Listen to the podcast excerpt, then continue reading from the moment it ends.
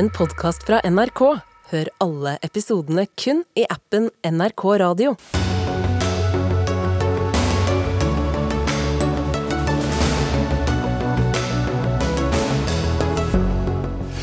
Forsvarer mener den russiske avhopperen har store muligheter til å få asyl i Norge, sier han kan bli et viktig vitne mot Wagner-gruppens brutale fremferd i Ukraina. Kan styringspartiet i hovedstaden samarbeide med et parti som motsetter seg å sende våpen til Ukraina? Ser vanskelig ut, ifølge Arbeiderpartiets Raimond Johansen. Norge må innføre en egen ordning med sorgpermisjon, mener KrF-politiker, som ikke synes sykemelding eller velferdspermisjon er nok. Og NRK har kjøpt rettigheter til å vise fire ganger OL. Er det riktig bruk av skattepenger? Dette er noen av sakene i ukens første Dagsnytt 18. Jeg heter Espen Aas. Og vi begynner med den russiske avhopperen Andrej Medvedev, som har søkt asyl i Norge, for hva skal skje med han? Mannen som natt til fredag krysset eh, grensen i Pasvikdalen i Øst-Finnmark, sier han var leiesoldat for den russiske Wagner-gruppen, og er nå på ukjent sted i Oslo. I et videoklipp forteller han om den dramatiske flukten til Norge. Han sier bl.a. at han har vært vitne til massedrap, og at han vil vitne mot ledelsen i Wagner-gruppen. Brynjulf Risnes, du er eh, Medvedevs advokat og snakket med ham i, går kveld. Hva forteller han selv om årsaken til at han valgte å hoppe av? Han sier vel i all hovedtrekk at uh, han uh, ikke fant det han hadde blitt forespeila, og at dette var mye mer grusomt og feil enn han kunne ha forestilt seg, og at han tidlig søkte en vei ut. og så hadde han vel en oppfatning selv om når denne kontrakten var over, eh, men da fikk han vel en opplevelse at den ble forlenga litt uten at han nødvendigvis var involvert. Eh, så til slutt så rømte han da først eh, tilbake til Russland. og hadde vel en opplevelse at, var, at noen var litt i hælene hans. Så han skjulte seg der da, og flytta rundt og kontakta menneskerettighetsorganisasjoner, ba om hjelp så var det vel de som etter hvert råda han til å dra ut, og som også mm, foreslo den norske ruta for ham, som han til slutt valgte. Mm. Hva har han fortalt om eh, sin egen rolle og medvirkning i denne Wagner-gruppen? Han har fortalt at han var en, eh, om man skal kalle det en mellomleder, at han var en leder for en liten gruppe. Eh, og at de var i strid, eh, men kun i hva skal jeg si, militærstrid. De hadde aldri noen kontakt med sivilbefolkningen, ifølge det han sier. Eh, sånn at uh, Han distanserer jo seg da fra at han selv kunne ha vært involvert i noen krigsforbrytelser. Det blir jo likevel en av de spørsmålene som norske myndigheter er nødt til å vurdere nokså grundig. Og, og Wagner-gruppen har jo også fortalt bl.a. til Aftenposten nå i ettermiddag at uh, Medvedev er mistenkt for bl.a. mishandling av, av krigsfanger. Ja. Det sto mye i den pressemeldingen bl.a. at Medvedev var norsk statsborger og en del andre ting, så det var i hvert fall mye der som ikke var sant. Og så får vi undersøke de andre tingene. Men, men, hvis vi går til spørsmålet om asyl. Uh, dette er jo da en mann som i en eller annen form har, deltatt uh, i krigshandlinger, enten direkte eller indirekte. Hva slags muligheter har han da for å få asyl i Norge? Uh, nå er det to forskjellige ting her. altså Asyl og beskyttelse. Altså Asyl er en status du får og normalt med flyktningstatus. og Det må jo her vurderes ut fra hans tidligere handlinger. Um, et annet spørsmål er jo om han kan sendes tilbake, og det vil jeg anta ut fra min kunnskap om saken at han ikke kan. Sånn at en eller annen form for opphold får han her, men spørsmålet blir jo da om han har gjort seg skyldig i noe som gjør at han skal ekskluderes fra flyktningstatus. Og det er jo spørsmål nummer to da, som norske myndigheter nå må vurdere. Mm. Tor Bøkvold, sjefforsker ved FFI. Eh, hvis vi går til denne Wagner-gruppen, som vi jo har hørt eh, mye om. Eh, ta oss igjen kort gjennom det som var bakgrunnen for opprettelsen av den. Den kalles jo ofte et privat militært selskap, men det er sannhet med modifikasjoner. Det starta rundt 2010, litt senere, som en slags sånn leiesoldatavdeling som delvis var under kontroll av det russiske forsvaret. Eh, og oppretta av Jevgenij Prigozjin etter eh, ordre for Kreml, rett og slett. Mm. Den såkalte Putins kokk? Riktig. Ja. Han hadde egentlig ikke noe lyst til det så vidt vi vet, men han ble pålagt å opprette den, så da gjorde han det. For det gjør du når du får beskjed fra Kreml. Og så begynte de å slåss i Ukraina i 2014-2015, men da mer som en sånn spesialstyrkeavdeling, egentlig, med ganske trena folk og folk med erfaring. Senere så sloss de mye i Syria. Der ble de mye større. Fikk mye folk som ikke hadde så mye erfaring, ble mer lik en regulær militær avdeling, kan du si. Og så har de fram til krigen nå stort sett eh, operert i Afrika, der de har tilbudt sine tjenester til mer og mindre autoritære ledere og hjulpet dem i å slå ned opprør, og opparbeidet seg et ganske betydelig rykte som brutal i den forbindelse. Mm. Og eh, Hvilken betydning kan det da få at vi nå får en, eh, en avhopper? Det, jeg tror ikke det får kjempestor betydning. Det vil ikke endre måten de slåss på, tenker jeg. Eller dere Wagner sin stilling overfor Kreml og overfor det russiske forsvaret. Men eh, det er bestandig ubehagelig at folk som vet noe, da, forsvinner og kan fortelle det. Men når det gjelder det her med russiske krigsforbrytelser, så tenker jeg at det er såpass altså Til og med FN har, og eksperter fra FN har påvist det ganske lenge, så det er jo ikke så mye nyhetsinteresse i det i seg sjøl, tenker jeg. Mm. Gro Holm, eh, vår korrespondent i Moskva, i hvilken grad er dette blitt en sak i russiske medier? Ja, det har jeg, jeg har sett det i et par medier, bl.a. i avisa Moskovskij Komsomolits, og da i ganske korte ordelag. og Det refereres både til hva norske myndigheter sier, og at dette er en sak om asyl. Eh, så har også denne uttalelsen fra Wagners egen eh, kommunikasjonstjeneste, altså sitatene fra Prigozjin om at han er under gransking for mishandler av krigsfanger, det er også sitert av Moskovskij Komsomolits. Ellers så er det veldig knapt med kommentarer. og det er det ofte i slike saker. Eh, fordi eh, det berører da en person som har krysset over til et fiendtlig innstilt land, såkalt. Eh, og man er litt usikker på hva en skal mene om det. Da er det gjerne kutyme her å være stille inntil videre, og noen mer autoritative har uttalt seg. I en eh, video postet på, på YouTube har han jo fortalt da bl.a. at han har vært vitne til massedrap, som, som både du og, og, flere kolleger var innom i, i nyhetssendingen her i NRK i, i morges. Eh, hvor troverdig fremstår forklaringen hans? Du har jo sett hele. Ja, ja, den framstår jo eh, troverdig på hans egne premisser, men eh, det er jo da i stor grad en beretning om flukt og om hvordan det var å komme seg over grensen. Hvordan han eh, var usikker på om isen kom til å holde, for det var åpent vann i Pasvikelva osv. Eh, det, er det er jo eh, en beretning som skaper bilder i hodet, men når det gjelder hans egen rolle i Wagner-gruppen, så, så, er han jo veldig uh, upresis. og Han sier veldig lite om det. Han sier at han har vært vitne til massedrap. Da han blir spurt direkte om det, så sier han ja ja, men jeg sto litt på avstand. Eh, og han sier også at han har svart på dette spørsmålet før angående en fange, som jo var da en, en unnskyld, ikke en fange, en soldat som var tidligere fange, som kjempet i den samme troppen som han selv, som jo ble drept med slegge, et drap som ble filmet på, eh, og lagt ut på, på nettet fordi han eh, gikk over til den ukrainske siden. og den det sier han veldig lite om i denne videoen, så det er mange ubesvarte spørsmål. Men han sier han fikk god hjelp av lokalbefolkningen i Murmansk til å komme seg da bort til grensen. Og denne Wagner-gruppen, hva slags eh, omtale får den, eller eventuelt hva slags rykte har den i, i Russland?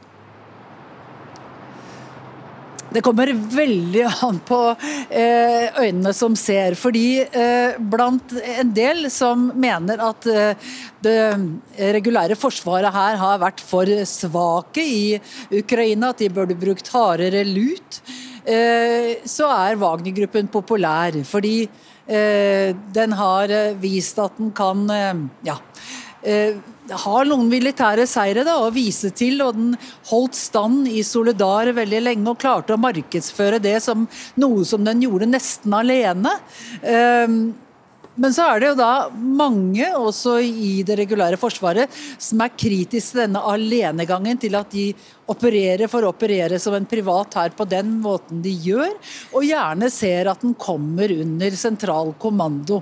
Eh, men folk er litt forsiktige med å uttale seg, nettopp fordi denne lederen Evgeni Prigozjin har et nært forhold til Putin, i hvert fall hadde det for en ti år siden. Mm. Ja, Bukkvold den fremstår jo nærmest som en slags satellitt helt uavhengig av hæren og russiske soldater for øvrig. Hva slags forgreininger er det her? Den var knytta særlig til det russiske spesialstyrkemiljøet til å begynne med. Så har den blitt mer uavhengig, som du sier. og Den ble oppretta først og fremst fordi at Russland ønska å ha en militær kapasitet som de kunne bruke utenlands og samtidig benekte. Så russiske myndigheter sjøl benekta jo eksistensen til den faktisk fram til for to år siden. Så det var det som var, var utgangspunktet. Og så vet jeg at det var betydelig motstand i det russiske forsvaret da den ble oppretta, nettopp fordi at den skulle bli så uavhengig som den nå har blitt borte. Så er det nok en del i det russiske forsvaret som tenker at han nå fikk rett, at det her var eh, veldig risikabelt å legge ut på. Mm. Brynjulf Risnes, som hans forsvarer, hvordan skal du jobbe videre med ham fremover nå? Nei, nå er det jo unnskyld, først og fremst asylsaken hans som skal behandles. da, og Det blir nok nokså grundige intervjuer med norske utlendingsmyndigheter i den forbindelse. Og så har det jo allerede meldt seg eh, betydelig interesse for å høre hva han kan fortelle om sine opplevelser i, i Wagner-gruppen. og veldig mye internasjonal interesse, og ikke bare, da bare presse, men også eh, organisasjoner, grupper som etterforsker konkret eh, krigsforbrytelser i Ukraina. Og vi har også via menneskerettighetsorganisasjoner fått vite at den internasjonale straffedomstolen mest sannsynlig er innstilt på å snakke med ham. Mm. Det er klart Han har jo selv om dette blir en, bare en bitte liten bit i et enormt landskap, så er det jo en bit vi har hørt lite om før. Altså, Hva skjer på innsida av denne Wagner-gruppen? Og Hva kommer du til å, å, legge vekt på i din argumentasjon når det gjelder det å få asyl? Nei, Det er jo i første rekke at uh, si, vurderingen mellom altså Spørsmålet om han kan anses å ha vært med på å begå krigsforbrytelser eller ikke, blir jo hovedspørsmålet. Fordi det at han trenger beskyttelse fra Russland, tror jeg ingen betviler. Sånn at eh, Det blir det viktigste spørsmålet. og sånn som jeg ser det, så er det vel ikke noen konkrete indikasjoner på så langt at, eh, at han har vært eh, der hvor det har begått krigsforbrytelser. Men er grunn til å ta alle mulige forbehold, fordi altså, informasjonsinnsamlingen fra Ukraina har jo vært så enorm, eh, både i Norge og andre land, at eh, her er det klart at også utlendingsmyndighetene vil prøve å sammenligne dette med annen informasjon. For å kontrollere for det første om han snakker sant, og for det andre å vurdere hva han kan eventuelt ha vært borti i sin tjeneste i Wagner-gruppen. Er det iverksatt noen spesielle tiltak for å ivareta sikkerheten hans? Det er det. Eh, og dette er jo ikke min ekspertise, dette er det andre som får vurdere. Men det er klart at man er jo usikker på man har aldri vært i den type situasjon før, og ikke minst eh, samtidig som det foregår en stor krig i Europa. Sånn at eh, det er, et spørsmål som alle er litt urolig for, og som egentlig ingen har svaret på. Så jeg vil jo håpe at man i hvert fall iverksetter i en overgangsfase betydelige sikkerhetstiltak, så at man er sikker på at, at det ikke hender noe. Mm. Takk skal du ha, Brynjulf Risnes, altså forsvarer for Andrej Medvedev. Takk også til Bor Tor Bukkvold, sjefforsker ved FFI, og vår korrespondent i Moskva, Gro Holm.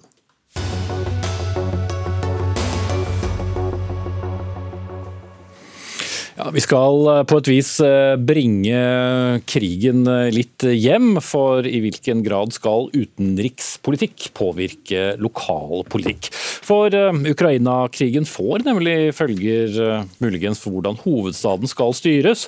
Byrådet der består som kjent av SV, Arbeiderpartiet og MDG, men flertall får de takket være partiet Rødt. Men fordi dette partiet, som står ytterst på venstresiden i uh, Oslo og landet for øvrig, er motstandere av å sende våpen til Ukraina, har hovedstadens øverste politiker, Arbeiderpartiets byrådsleder Raymond Johansen, gått ut i Klassekampen og sagt at dette standpunktet gjør samarbeidet krevende. Hvordan da, Raymond Johansen? For først vil jeg si at Vi har samarbeida godt med Rødt gjennom syv år. Jeg har et uh, budsjettavtale vi har hatt uh, også. Eh, så er det jo sånn at eh, heldigvis kan du si at vi slipper å diskutere både EU og Ukraina når vi lager eh, plattformer. Så sånn sett så er det greit. Men det er klart jeg har reagert på at jeg mener at Rødt har et standpunkt knytta til en sak jeg opplever som viktig, som jeg diskuterer mye med mine ukrainske ordførerkollegaer med flyktninger. Eh, vi har mottatt 2000 i eh, Oslo. Regner med at det kanskje kommer 2000 til neste år. Når jeg reiste til Ukraina, så har alle ett budskap. Mm. Men, som, men er er viktigere, som er viktigere enn noe, det er at vi skal eh, fortsette å sende våpen. Så det er utgangspunktet for det jeg sa, at holdningen til å ikke anerkjenne behov for at man sender våpen, så frykter jeg at konsekvensen av det er egentlig at man løper Putins ærend, selv om jeg vet at det ikke nødvendigvis er Rødt sin mening med det. Men hvem skal drive utenrikspolitikk i Norge? Byrådslederen i en storby eller eh, i regjering og utenriks? Men helt grunnleggende så tror jeg du tar feil. Fordi at det som nå skjer i Ukraina, påvirker hele Europa, alle byene. Jeg sitter i eksekutivkomiteen i Eurocities, det var grunnen til at jeg reiste til eh, Ukraina. Møtte ordførere fra mange byer. Det nå å knytte det solidaritetsbåndet mellom norske byer, byer i Ukraina, vil være viktig, både gjenoppbyggingen og hele det arbeidet. Og ikke minst den påvirkningen som bypolitikere også har overfor regjeringene sine til å påvirke politikken er stor. Men utenrikspolitikken som sådan, den tilhører selvfølgelig regjeringen, og det vet jeg som mangeårig statssekretær i Utenriksdepartementet. Som jeg var på et punkt der òg, men der sa du selv. Gruppeleder for Rødt i Oslo, Siavash Mobasjere, Løper du Putins ærend? Altså For det første så må jeg jo si at uh, altså det virker som at Raymond Hansen og Arbeiderpartiet har liksom misforstått litt hva Rødt mener om uh, situasjonen i Ukraina. Rødt har altså fra dag én fordømt Russlands og Putins folkerettslige uh, angrep og invasjon av Ukraina. Det har vi gjentatt gang på gang. Vi har uh, jobba med forslag på Stortinget. Vi har forslag, fremma forslag for å øke bistanden med pengestøtte til Ukraina. Vi har styrket humanitærarbeidet. Men- men dere er imot det er viktig, det er viktig å, sånn, å fortsette dette. Og, og vi vil også straffefølge stats, eh, statssjefer som eh, går til angrep eh, mot andre land. Men hvis du er- mener at det er hovedpoenget deres ja, det er det ikke. ja, så, så, Også, til, til spørsmålet ditt, eh, Espen Aas. Eh, greia er at veldig mange land, eh, også Europa, Østerrike, Sveits, Malta, eh, og også de aller fleste av verdens land, har ikke ønsket å sende våpen til Ukraina. Og Det er egentlig spørsmålet tilbake til altså Raymond Hansen om, om han syns også at disse landene her løper Putins ærend. Fordi Veldig mange er opptatt av at vi skal få slutt på denne forferdelige krigen. Eh, og veldig mange eh, tidligere i andre konflikter har også ment at våpen ikke skaper fred. Og da er spørsmålet hvorfor er det, altså denne, altså hvorfor er det så forskjell på denne, på denne krigen, eh, når Norge i 60 år med Arbeiderpartiet i spissen har ment at våpen til land okay, ikke, ikke er eh, riktig politikk. Ukraina hadde blitt overtatt av Russland og Putin etter få dager hvis man ikke hadde gitt våpen. Det er den motstanden og den krigen det ukrainske folket gjør for hele Europa. For vårt naboland, aggressoren Russland, som ønsker seg tilbake til Sovjetunionens tid ved å okkupere, ikke anerkjenne Ukrainas rett til eksistens på, i vårt nærområde som står på spill.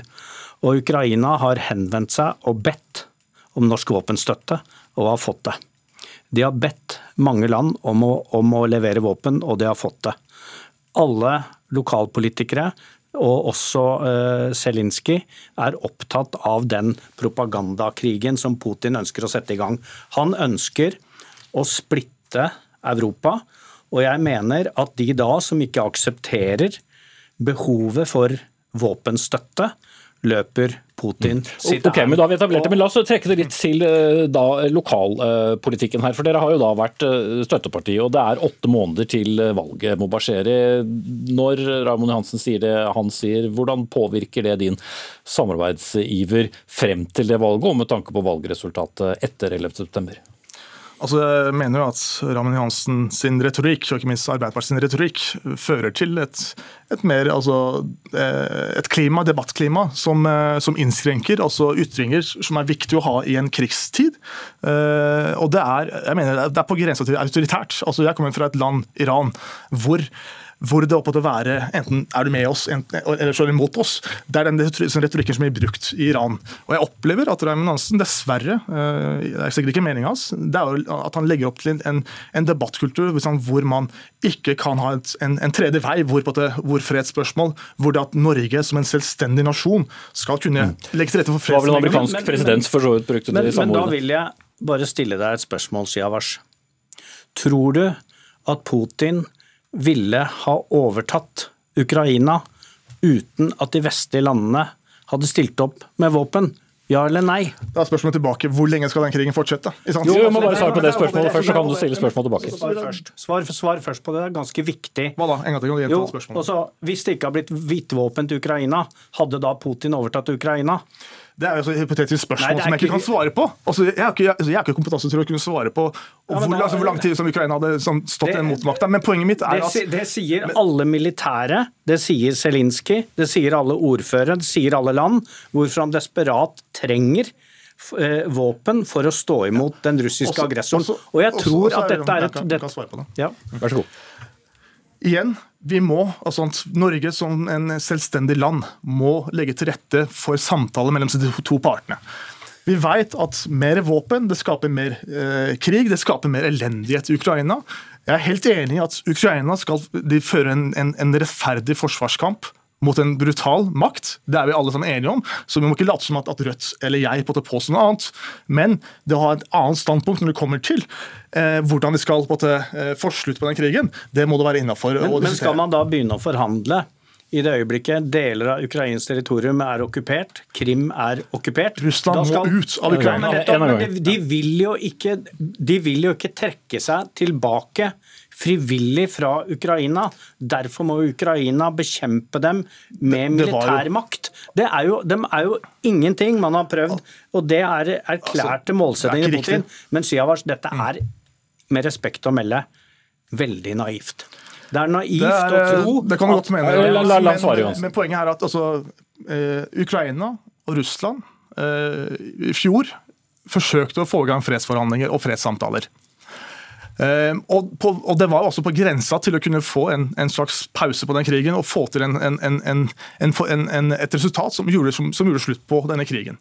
Dessverre så, så var det altså eh, Nato og USA i front som på en måte stoppa disse samtalene, som, som, kunne ha, altså, som kunne ha gjort slutt på den krigen. jeg, må- jeg må sette en strek for den, den, for den delen av diskusjonen. For det vi runder oss sammen. Jeg må spørre Raymond Johansen til slutt. Det er altså under åtte måneder til velgerne avgjør eh, hvordan eh, bystyret i Oslo og mange andre bystyre og kommunestyrer skal settes sammen. Er dette et signal om en ny kurs hvor du vil legge deg politisk, ettersom du syns Rødt er ja, problematisk? jeg, innledningsvis så sa jeg at jeg var fornøyd med det samarbeidet med Rødt, men vi står det er en avgrunn i forståelsen av et så sentralt spørsmål som dreier seg om framtida for vårt, vårt kontinent. Det dreier seg om kampen for demokratiet. Det dreier seg om å slå en aggressor tilbake Og som er det også inn i villig til å, å lokalpolitikken. reokkupere. Men det er en del av våre liv. Jeg skjønner liksom ikke, Det er en del av de som bor i byenes liv. Vi er påvirket hver eneste dag av krigen i Ukraina. Vi har høye strømpriser, vi ser råvarepriser. Alt det som skjer, påvirker våre liv. Og det å tro at du liksom kan utelukke det som en del av en tenkning, men jeg er helt sikker på at vi klarer helt sikkert å forhandle om, for det kommer i hvert fall ikke til å være i byrådsplattformen. Ok, vi er litt på, på overtid her, og jeg skal over til eh, en eh, kommentator, nemlig politisk redaktør i Avisa Oslo, Erik uh, Mosveen. Du har også skrevet om denne konflikten, der du også slår fast at dersom Rødt og Mobasheri hadde fått viljen sin, så hadde Ukraina tapt krigen, slik Raymond Johansen også sa her. Men eh, hvis vi skal ta et lite skritt tilbake, hvorfor velger byrådslederen å gå ut eh, så kraftig mot eh, en mann han til vanlig samarbeider med? Jeg tror nok det er fordi man, han er opptatt av å ta Rødts velgere også. Eh, Og Raymond Hansen vet nok utmerket godt at eh, det ikke er sikkert at alle de 37 000 som stemte Rødt ved stortingsvalget, 8,3 eh, at ikke de er helt enig med mobasjere her og med Rødt. Jeg tror dette er en voldsom akilleshæl for Rødt, fordi de har etter min mening et ganske meningsløst standpunkt. I en sak som på et moralsk og politisk plan om ikke annet burde være ganske enkel også for Rødt. Mm. SV brukte også litt tid på å komme til et annet standpunkt. Eh, Da var det stille. Er det lettere for Raymond Johansen å gå imot Rødt? Ja, det er det nok fordi Rødt har vært tydeligere. SV har jo snudd. Eh, De har jo blitt eh, tilhengere av eh, våpenhjelp både fra Norge og fra andre land, så det er annerledes. Og så er jo Rødt et parti som står på en måte lengre fra Arbeiderpartiet både her i byen og nasjonalt enn Rødt. Så jeg tror det er en vesentlig grunn til det, men jeg mener Raymond Johansen har et poeng når han sier at dette, selv om dette er en lokalvalgkamp og alt mulig sånn, så kan man ikke si at denne krigen ikke spiller inn i hvert eneste lokalmiljø i Oslo. Og det er ikke bare fordi det kommer mange flyktninger, men av så mange andre grunner. Så har det også vært et eh, skifte av leder i Rødt eh, i Oslo. Den tidligere lederen har nå meldt seg inn i Raymond Johansens eh, parti. Er det blitt et litt mer anspent forhold mellom det største styringspartiet og ytre venstre? Ja, altså de begynte jo med et nært samarbeid, Rødt og byrådet med Johansen i spissen. Og så har det forsura seg underveis. Og den forklaringen Eivor Evenerud, som var den forrige på en måte toppersonen her, eh, forklaringen der er jo at det, på hvorfor det ble forsura, er jo politisk. Altså Det er at uh, Siavash Mubasheri uh, og hun var uenige om kursen. Og så er det jo da sånn at Rødt har jo blitt et stortingsparti nå. De ledes av Bjørnar Moxnes fra Oslo. Og de har en annen politisk profil enn det Oslo Rødt har, eller Rødt hadde. Oslo som kaller det seg sjøl, eller hadde. Så Eivor Evenrud hun blir vel sannsynligvis nå til helga da nominert på sikker plass, eller det som man tror er sikker plass for Arbeiderpartiet i Oslo. Det er jo en spektakulær politisk overgang, men det er jo et ekko fra den overgangen som vi har hørt i den debatten som har vært her nå. Og Hvis vi ser på det politiske igjen her, det at en mann som jo først og fremst driver eh, en by velger å hente frem eh, utenrikspolitiske argumenter, som han helt klart gjør, selv om han henter dem hjem til lokalpolitikken. Han må jo, som du var inne på i starten, mene at han kan vinne politisk med å markere så avstand, og, og, og sitte og si at en han samarbeider med om helt andre saker, være, kunne vært med på å gi Putin seier i Ukraina. Ja, det er, men det er jo også det Rødt som fremtrer nå etter at Evenrud og Moxnes på en måte er ute av Oslo-politikken, er et litt annet Rødt. Uh, og det, uh, det er en kan være en svakhet i forhold til, som han kan utnytte, og det tror jeg han prøver å utnytte. Og så er det også det at det er eh, det er et annet parti som eh, byrådet også kan få flertall sammen med i bystyret, som er Venstre. Eh, og Det tror jeg det er mange, ikke minst i MDG, som har vært frista av at hvorfor i all verden må det være Rødt i åtte år, liksom? Eller kan vi ta Venstre i, i neste runde? Så litt politisk tiktakeri Det er det. Takk skal du ha, Eirik Mosveen, politisk redaktør i Avisa Oslo.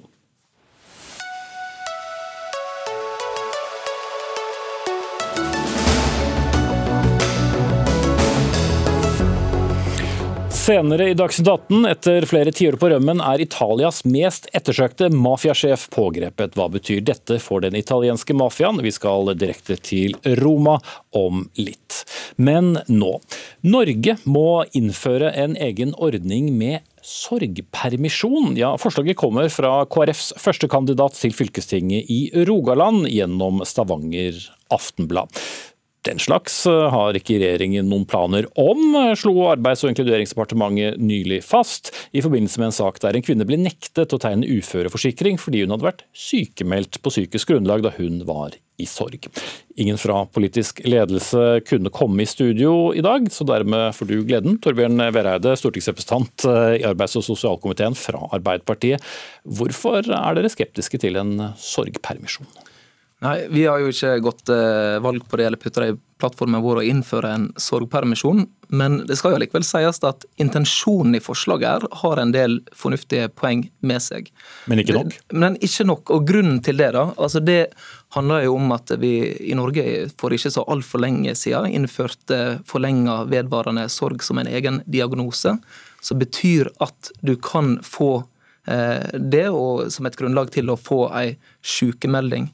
Og så er det jo et, egentlig et veldig viktig poeng, da, og det er at eh, hvis du Får, eh, hvis du får lidelser som følge av den sorgen, hvis du mister noen nære, så kan det medføre ganske harde trøkker som du får.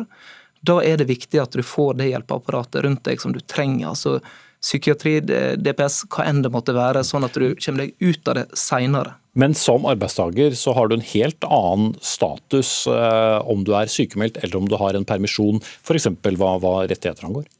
Altså jeg tror det, at det, det, er noen som vil oppleve det som litt krevende å eh, melde seg syk når man er i en sorg. Men når alt kommer til alt, så tror jeg at eh, arbeidsgiverne òg tjener på å være litt rause, litt fleksible på å gi det pusterommet som trengs hvis man mister noen nære. Og jeg tror for den saks skyld òg at eh, hvis man havner i den situasjonen, så er det jo viktig at de stopper opp, tar seg noen fridager, istedenfor at man pusher seg for hardt møter veggen og blir permanent syk. Mm. Til eh, de som eh, tenker at kanskje dette er en god idé, hva vil du argumentere for er dumt med et sånt forslag? Altså, jeg tror det er mange av de ordningene som er i dag som dekker intensjonene i det. Eh, jeg har selv vurdert dette her med et ganske åpent sinn og holdt seg i de siste månedene etter at det ble fremma på Stortinget. Men jeg tror ikke at enda flere tre i jungelen av tiltak er veien å gå for å ivareta disse menneskene. Mm. Anne Kristine Bruns eh, fra Rogaland KrF Kvinner. Eh, det er du som eh, skrev innlegget i Stavanger Aftenblad i dag. Hvorfor trenger vi det i tillegg til de ordningene vi allerede har, f.eks. velferdspermisjon? Altså, Sorg er ikke uttrykk for en sykdom, men det er noe som en, en helt naturlig reaksjon på en helt spesiell og unaturlig opplevelse, eller noe som opplever ved et dødsfall og plutselig dødsfall. Eh, og Problemet er at eh, når noen mister noen, så trenger en ikke nødvendigvis å bli sjukmeldt. Det er ikke det en trenger. En trenger faktisk bare å bli anerkjent for at sorg er hardt arbeid. Sorg er faktisk en stor påkjenning, påkjenning både psykisk og fysisk. Men grenselandene da mellom det å faktisk eh, trenge hjelp hvor du er syk, og når det i hermetegn holder med en, en permisjon, hvor skal den gå? Ja, nå tenker jeg Vi kan skille litt mellom hva type sorg kanskje gjerne også. Eh, I Danmark så har de jo noe som for sorgpermisjon for foreldre som mister barn mellom 0 til 18 år. Der har de faktisk en rettighet, slik at i løpet av du kan få 26 uker fri når du mister et barn, og du skal på en måte, i stedet for å måtte sjukmelde deg og få diagnosen lettere deprimert eller psykisk, lettere psykisk diagnose, så er du faktisk i permisjon. Og Du kan forklare det på en helt, helt naturlig måte. Jo, jeg er i permisjon, jeg er i sorgpermisjon. Må ikke forklare hvorfor du er sykmeldt, hva er grunnen for det. Mm. Og så gjelder gjerne, også Bare en liten kommentar i forhold til at en kan snakke om sorgmelding òg, istedenfor sykmelding. Okay. Men eh, noen skal jo måtte avgjøre dette også, vil jeg tro. Marte Kvittum Tangen, du er leder av Norsk forening for allmennmedisin. Eh, trenger vi en sorgpermisjon? Ja, jeg forstår også veldig godt uh, intensjonen med det forslaget. Jeg er helt enig i at det å være i sorg er hardt arbeid og er en stor påkjenning for de som har mista noen som de er glad i. Uh, men så er det jo sånn at vi har veldig gode sykemeldingsordninger i Norge i dag. Uh, og jeg tenker at det, det, kan bli en ganske vanskelig avgrensning. Hvem er det som skal få denne rettigheten, og hvem skal ikke få den? Eh, for meg eh, så tror jeg eh, det viktigste er at vi fortsatt gjør en individuell vurdering og en type behovsprøving, og at det ikke bare er relasjonen i seg selv da, som utløser en eller annen rettighet. Og så er jeg litt bekymra for å fjerne det helt bort fra helsehjelp, fordi jeg tror at vi i helsevesenet tilbyr mye god hjelp. og kan gi mye støtte da, i den sorgprosessen man opplever etter å ha mista noen. Ja, kan, kan, kan man på en måte definere sorg? Eh, nei, sorg er vanskelig å, å, definere, og vi sliter jo litt med definisjonen på det. I utgangspunktet så er jo sorg tap av noe. Det er ikke nødvendigvis knytta til dødsfall heller, men det kan jo handle om tap av funksjonsevne eller eh, tap av noen nære pårørende som ikke fungerer sånn som de gjorde før. Altså, eh, sorg er et ganske vidt begrep, og det eh, er for meg vanskelig å si at det er et helt tydelig avgrensning da, mot sykdom. Mm. Bruns og så Vereide. Vær så god, Bruns. Ja, nei, bare tenk litt det her med at du, du, du, står gjerne i en arbeidssituasjon når du opplever dette. Eh, og det der med å ha forventninger fra arbeidsgivers side om å komme tilbake Du må gjerne ringe, du får kanskje 14 dagers sykmelding om gangen. Så må du ringe tilbake si vet du hva, jeg må ha lengre, jeg lengre sykmelding. Jeg har fått det fra legen. Og Så kan legene også ha ulike tanker om tid en eventuelt skal være klar til å gå tilbake til jobb. Og Jeg har jo en veldig nær, eller opplevelse i nær familie der min bror og svigerinne mista et barn. Og der det var veldig utfordrende. fordi hvor lenge, tid kan du begynne tilbake på jobb, Hvor skal du gjøre ting? Det ble en veldig uholdbar og en stor påkjenning fordi at de måtte hele tida forsvare det at de faktisk sørger, at de faktisk mister et barn. Det tapet som det er, det tror ikke vi helt har språket for i vårt system. Ja, jeg er jo enig i at eh, vi må faktisk få et større vokabular og, og for akkurat det med sorg, og snakke mer om det. Eh, jeg har selv opplevd å miste folk jeg er glad i, som der jeg har fått sorg, der jeg har trengt eh, psykologhjelp. Og jeg har opplevd at jeg bare har trengt å ta tida og jobbe med meg sjøl for å komme meg tilbake. Sånn at det er veldig vanskelig å si hva som, hva som gjør at du trenger profesjonell hjelp, og hva som gjør at du bare trenger tid for deg sjøl. Men det som er fint, da, det er jo at i og med at det har blitt en diagnose med forlenga sorg, så betyr det jo at altså i sammenligning med Danmark sine 26 uker, så vil du jo, hvis du får eh, lidelser knytta til sorgen, så vil du jo i den norske velferdsstaten kunne få 52 uker. Men da har du òg tilgang på det hjelpeapparatet som Marte her tar til orde for. Jeg tror det er viktig å bare være dønn ærlig på at selv om du av og til bare trenger tid da, så vil det òg være tid der du trenger hjelp profesjonelt. Og, og da er sykemelding ja, det... fortsatt det beste? da kan det være det beste. Det vil variere fra individ til individ, men det kan òg være nødvendig. Bruns. Men jeg tenker litt sånn i forhold til den diagnosen du får når du er sykmeldt, så skal det jo være en diagnose. Og Veldig ofte så får du en lettere depresjon eller en psykisk ubalanse. Og faktisk har det jo kommet fram til i det siste at denne problemer, også NRK påviste i forhold til forsikring senere. Så det er jo noen hull i dette systemet. Så om vi kunne hatt en rubrikk der det sto sorgmelding eller sorgpermisjon, så kunne det være en veldig OK løsning, mener iallfall KrF. Jeg tenker Dette er å ta folk på alvor, at de faktisk har denne utfordringa og som vi ikke alltid klarer å identifisere eller faktisk sette ord på, fordi det er så ekstremt individuelt. Tangen. Ja, nettopp. Det er veldig individuelt. Eh, og så er det jo eh, hvordan forsikringsselskapene tolker den diagnosesettinga på sykemeldinga. Det mener jeg er et eh, problem. For det de skal vurdere, er jo framtidig risiko for å bli mm. ufør. Altså en type de vedder på om du kommer til å bli syk eller ikke. Eh, og at de da automatisk legger inn en diagnose som f.eks. en akutt eh, belastningslidelse, som er kanskje den diagnosen vi oftest bruker i allmennmedisin, P02 heter den, og fordi okay. den har en, en, kode først med P, eh, så tenker man at dette er en psykisk eh, sykdom og legger den i samme kategori som alle andre psykiske sykdommer og sier at dermed har du økt risiko for å bli ufør i framtida. Det mener jeg ikke. Eh, er riktig. sånn at vi får heller gjøre individuelle vurderinger på hva som er årsaken til den sykemeldinga. Og da må du skille da dyp sorg fra psykiske plager?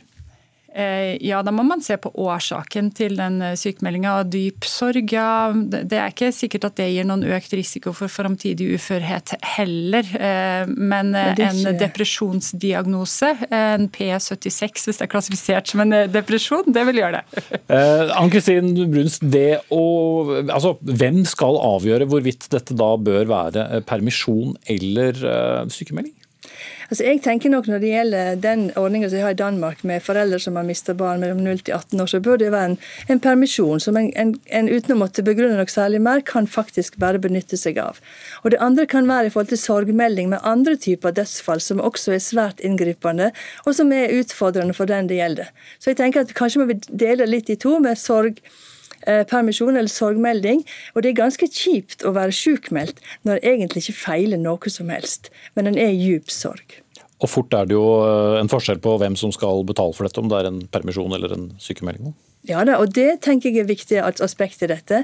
Eh, men det er å ta på alvor den utrolige påkjenninga det er det for den enkelte å oppleve dette. Spørsmål egentlig til politikerne i studio. ja. Ja, det, det, det, er det. Og altså, Hvordan løse dette på en best mulig måte, det er jo litt som er fag og litt som er politikk og litt som er midt imellom. Det viktigste er at folk får den hjelpa de trenger når de trenger det og at eh, man uten å miste inntekta si kan ta seg et pusterom fra arbeidsplassen sin. Det tror jeg er det aller viktigste. Og der det er hull i dag, der må vi sørge for å få tetta dem. Torbjørn Vereide, stortingsrepresentant fra Arbeiderpartiet. Takk også til Marte Kvittum Tangen, leder av Allmennforeningen, og Anne Kristin Bruns, leder av Rogaland KrF Kvinner.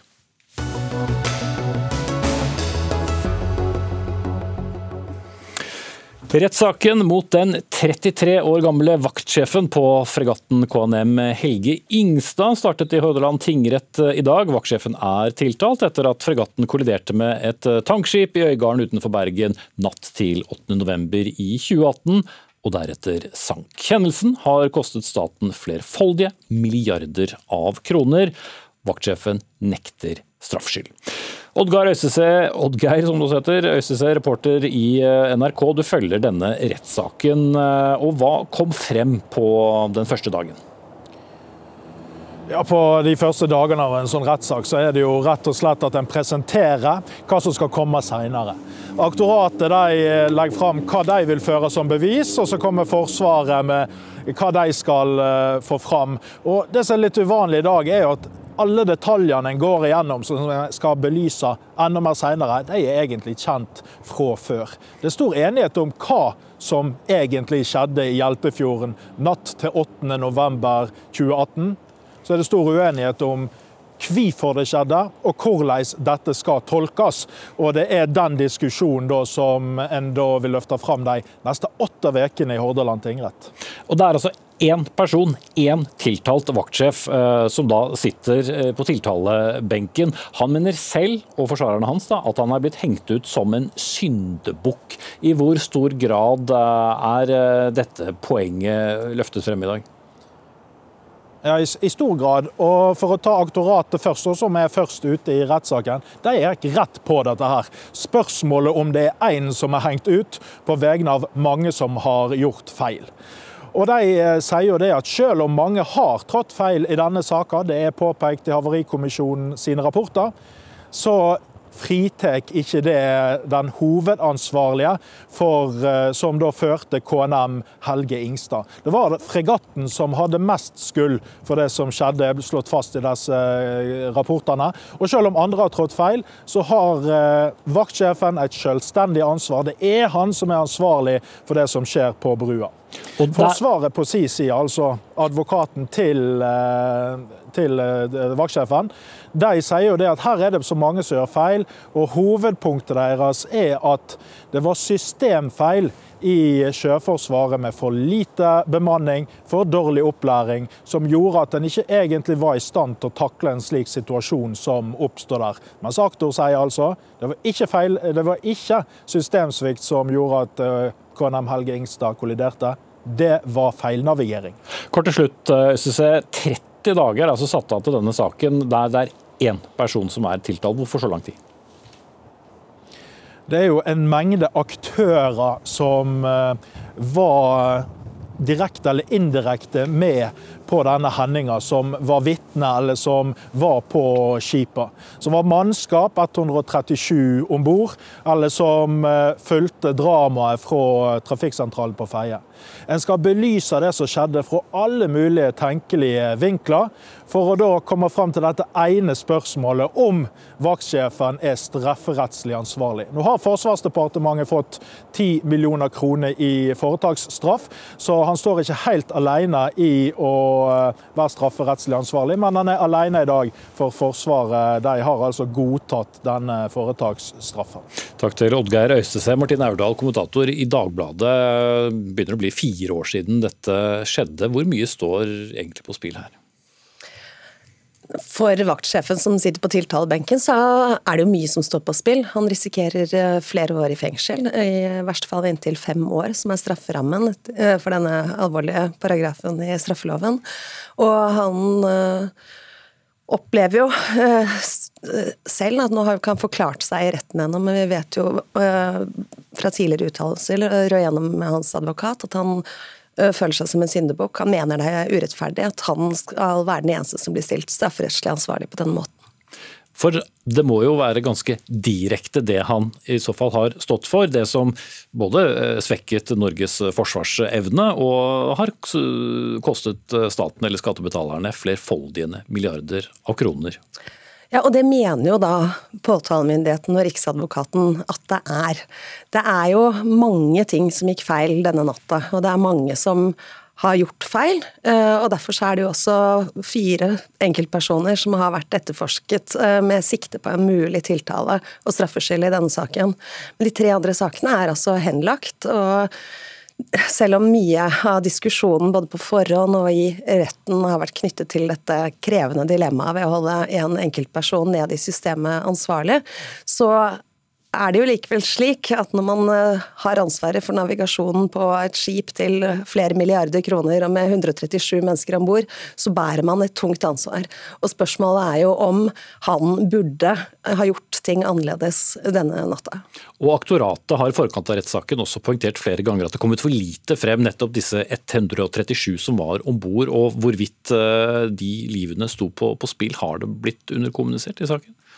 Ja, Det har jo vært uh, noen saker med, med, disse historiene, og NRK har jo bl.a. Uh, eh, nylig lagt ut en uh, podkast, hvor mange av disse historiene kommer fram. Og det er jo veldig dramatisk. Det er jo nesten utrolig at det ikke gikk liv tapt. Flere av mannskapslugarene opplevde at veggen ble skjøvet inn, personene ble, eh, opp, eh, fant eh, store hull i skroget og måtte klatre ut i underbuksa, og med da røkende kabler og, og strøm og gnister eh, fykende rundt dem. Så dette kunne ha gått eh, veldig mye verre veldig lett. Og en 33-åring står altså da, eller sitter eventuelt på tiltalebenken og kan ende opp som det han selv mener er å bli en syndebukk. Forstår du? Eh, ja, det er lett å ha sympati med det. Og Befalets eh, Fellesforbund i Sjøforsvaret har jo også ment sterkt om dette, at de mener at det er eh, feil at en person, en løytnant nede i systemet, holdes ansvarlig på denne måten. Tidligere har det vært tradisjon for at det bare er kapteinen, eller i dette tilfellet skipssjefen, som han kalles, på båten, som eh, blir holdt eh, strafferettslig ansvarlig. Og de frykter jo for konsekvensene dette kan få for videre rekruttering, og for hvordan folk i Sjøforsvaret vil vegre seg for å ta, påta seg denne typen oppgaver seinere. Takk skal du ha, Martine Aurdal, kommentator i Dagbladet. 30 dager er altså satt av til saken.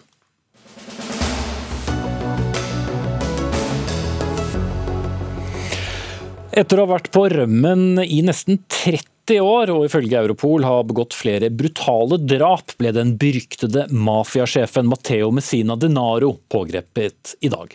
Politiet slo til da han fikk behandling på en privat legeklinikk på Palerma Palermo i Sicilia. Og Simen Ekern, europakorrespondent med oss fra Roma. Det er jo nesten som en eh, mafiafilm, dette. Hvordan var det de hadde klart å finne frem til ham etter altså tre tiår på rømmen? På pressekonferansen som eh, politiet nettopp holdt i Palermo, så, så, kommer det jo fram at det er dette helsesporet da, som til slutt eh, hjalp dem å finne det ut. De skal ha visst at Mattia, eh, Matteo Messina Denaro hadde en form for kreft, antageligvis, og trengte behandling for det. Og, og, og forsøkte ved hjelp av forskjellige legeregistre å finne mulige kandidater. Hvem kunne det være? Og I dag eh, troppet de da opp en hel mengde eh, politifolk med finlandsetter eh, og fant denne mannen som var i kafeen på sykehuset. og da han ble spurt om hvem han eh, var, så svarte han jeg er Matteo Messina Denaro. 30 års, 30 års etterforskning var eh, kommet til en ende, og, man har endelig da fanget denne mannen som det har vært snakket så mye om i Italia i, i alle disse årene. På rømmen siden 1993, Simen Ekern, vet vi noe om hva slags liv han har levd? Vi vet ikke så veldig mye. Vi vet, det vi vet, vet vi fra en del avhoppere som har antydet at de, de siste årene så har det vært et nokså eh, kjedelig og stille liv på mange måter. Han har eh, konsentrert seg om å spille dataspill hjemme, drevet mye med puslespill i så stor grad at han fikk en medhjelper til å kontakte en puslespillfabrikk for å få tak i en manglende eh, brikke, visst. Men han har også vært antageligvis, da, tror politiet på rømmen, de har jo lett etter han på alle eh, kontinenter. Eh, men så ender de da opp med å finne ham eh, rett ved der den sicilianske mafiaen eh, har sin hovedbase. Og hvor lenge han har vært der, det, det, vet vi ikke. Han har blitt beskrevet som noe av en playboy i tidligere år. Han har aldri vært gift, har hatt mange forskjellige kjærester. En av dem ble arrestert for ikke så veldig mange år siden. En del av denne operasjonen har jo vært å Eh, arrestere mennesker i nettverket rundt ham, de menneskene som har gjort det mulig for ham da, å holde seg skjult, antageligvis på sitt eget territorium. Det er jo veldig viktig for den sicilianske mafiaen å ha lokal kontroll. og Mange tenker vel også at det er derfor han var der hvor han var, i tillegg til at han da eh, skulle få denne eh, lege, denne medisinske hjelpen som han, som han da trengte, og som ble hans bane, på sett og vis. Cosa Nostra, som da han skal ha vært en av toppsjefene for, det har jo røtter tilbake til 1800-tallet. Hvor mektig er eh, den sicilianske mafiaen i dag? Den er mektig, ikke minst er den mektig på uh, lokalt plan, men den har forandret seg ganske mye i løpet av de 30 årene uh, Messina Denaro har vært på flukt. Nå er det andre mafiaorganisasjoner i landet som beskrives som rikere og mer mektige, ikke minst på et internasjonalt plan.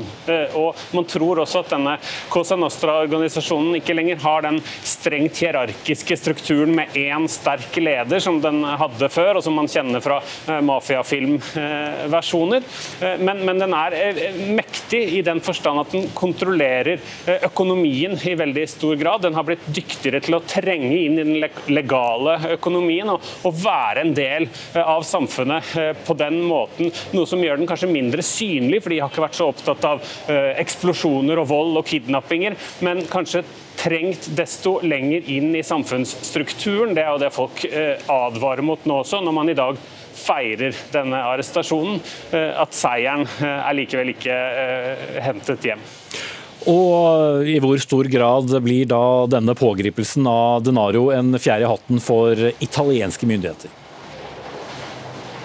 Veldig stor grad. Vi ser statsminister Giorgia Meloni reiste straks til Sicilia, til Palermo i dag, har gitt flere uttalelser der hun bl.a. sier at kampen mot mafiaen var i sin tid det som fikk eh, henne til å gå inn i politikken, altså et sinne mot at denne organisasjonen i så stor grad kunne dominere eh, landet hun var vokst opp i. Hun har også tatt til orde i dag for at dagen i dag eh, skal bli en nasjonal festdag, en markering Eh, hvert år av eh, kampen mot mafiaen, og at den kampen eh, kan krones med seier. Og, alle politiske partier og den italienske presidenten også har, har understreket hvor enormt viktig det er, selv om enkelte kritikere da mener at man må være forsiktig med å feire for mye, både fordi Cosa Nostra ikke lenger er den mektigste mafiaen, muligens, og fordi det antageligvis er sånn at i denne desentraliserte strukturen så er det på ingen måte sånn at mafiaen blir handlingslammet etter denne eh, arrestasjonen. 30 år eh, på rømmen ble det, så var det slutt. Takk til Simen Ekern med oss direkte fra Roma, og all den vanlige trafikken der.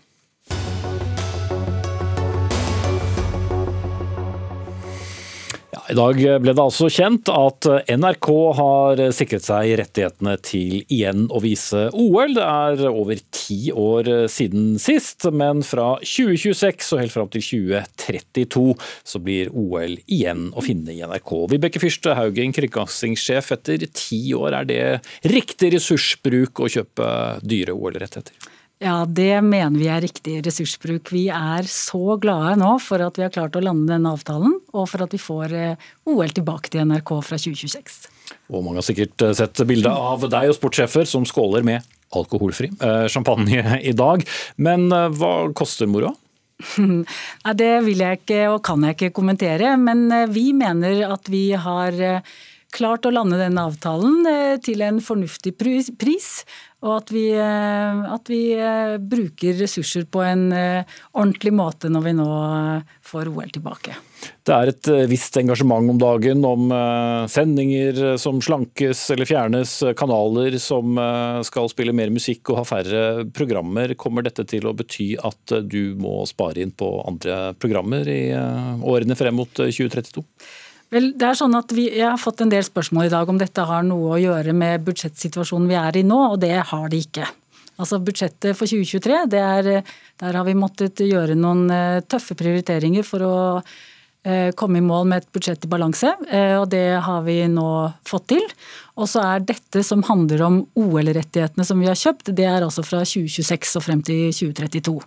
Eh, og så er det sånn at hvert eneste år så må vi gjøre prioriteringer i NRK.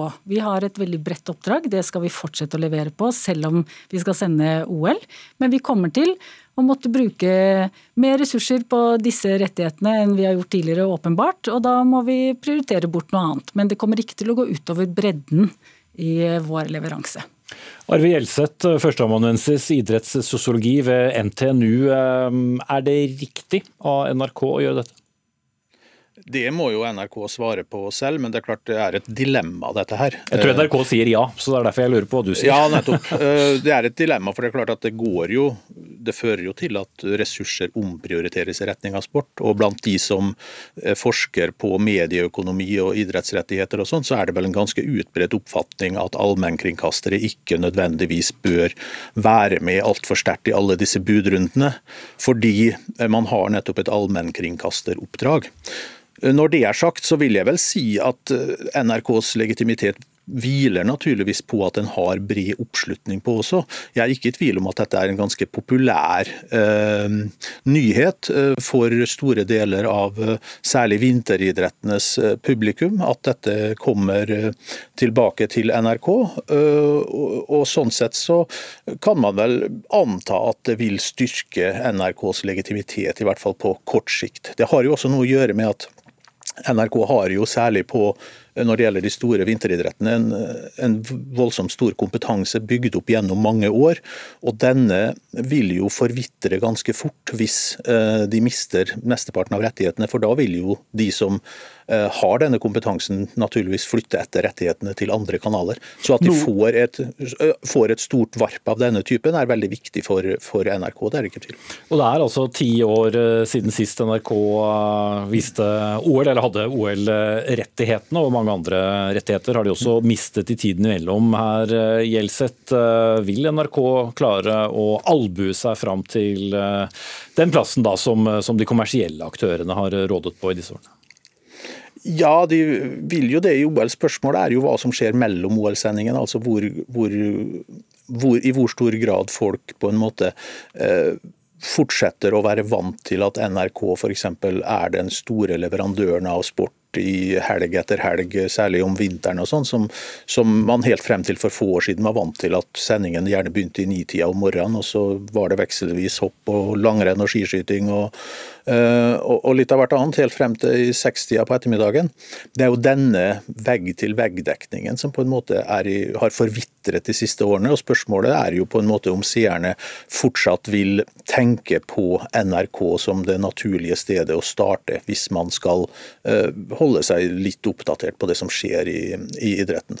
Ja. Eh, men sånn sett så er det viktig. Mm. mm. Haugen, eh, Discovery har også fått rettigheter til å, å, sende OL i den samme perioden for sine abonnenter. Hva har det å si for uh, NRK? Betalplattformene for sport har jo blitt stadig mer fremtredende.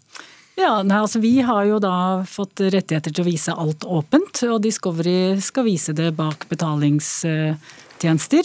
Så vi tenker at det er helt fint. Vi kommer til å tilby OL på flere plattformer og kanaler. Eh, og så tenker jeg, Nå ble det jo kommentert at vi har mistet en del rettigheter i det siste, og hva har det gjort med vår kompetanse? Jeg mener jo at vi har klart å erverve andre rettigheter. Vi har høy kompetanse både på vinter- og sommeridrett, vil jeg påstå. Så jeg er ganske sikker på at vi skal klare å levere et svært godt tilbud til publikum nå. Eh, så vi eh, ser frem til å både løfte dette i hele NRK, og til å bruke mye tid og krefter på å få dette bra. Eh, Gjelseth, Discovery får altså som sagt muligheten til også å vise dette, men så er det da i hermetegn gratis, hvis man ikke tenker på hva folk betaler i skatt, for å ha NRK. Når du slår på NRKs kanaler, hva kan et selskap som Discovery egentlig ha tjent på det da? Ja, Det er et godt spørsmål. Nå, nå forstår jeg det sånn at generelt i denne EBU-avtalen så er det vel sånn at Discovery har de digitale rettighetene, uh, men det gjelder ikke Norge, Sverige og et par andre land, sånn jeg har forstått det.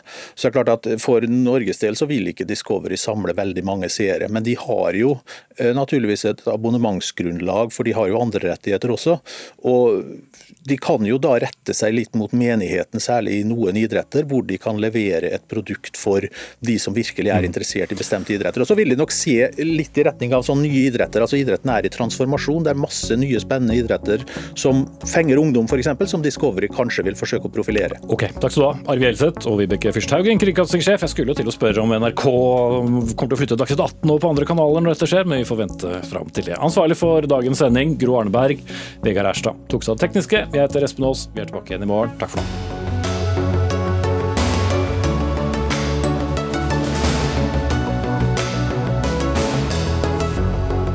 Du har hørt en podkast fra NRK. Hør alle episodene kun i appen NRK Radio.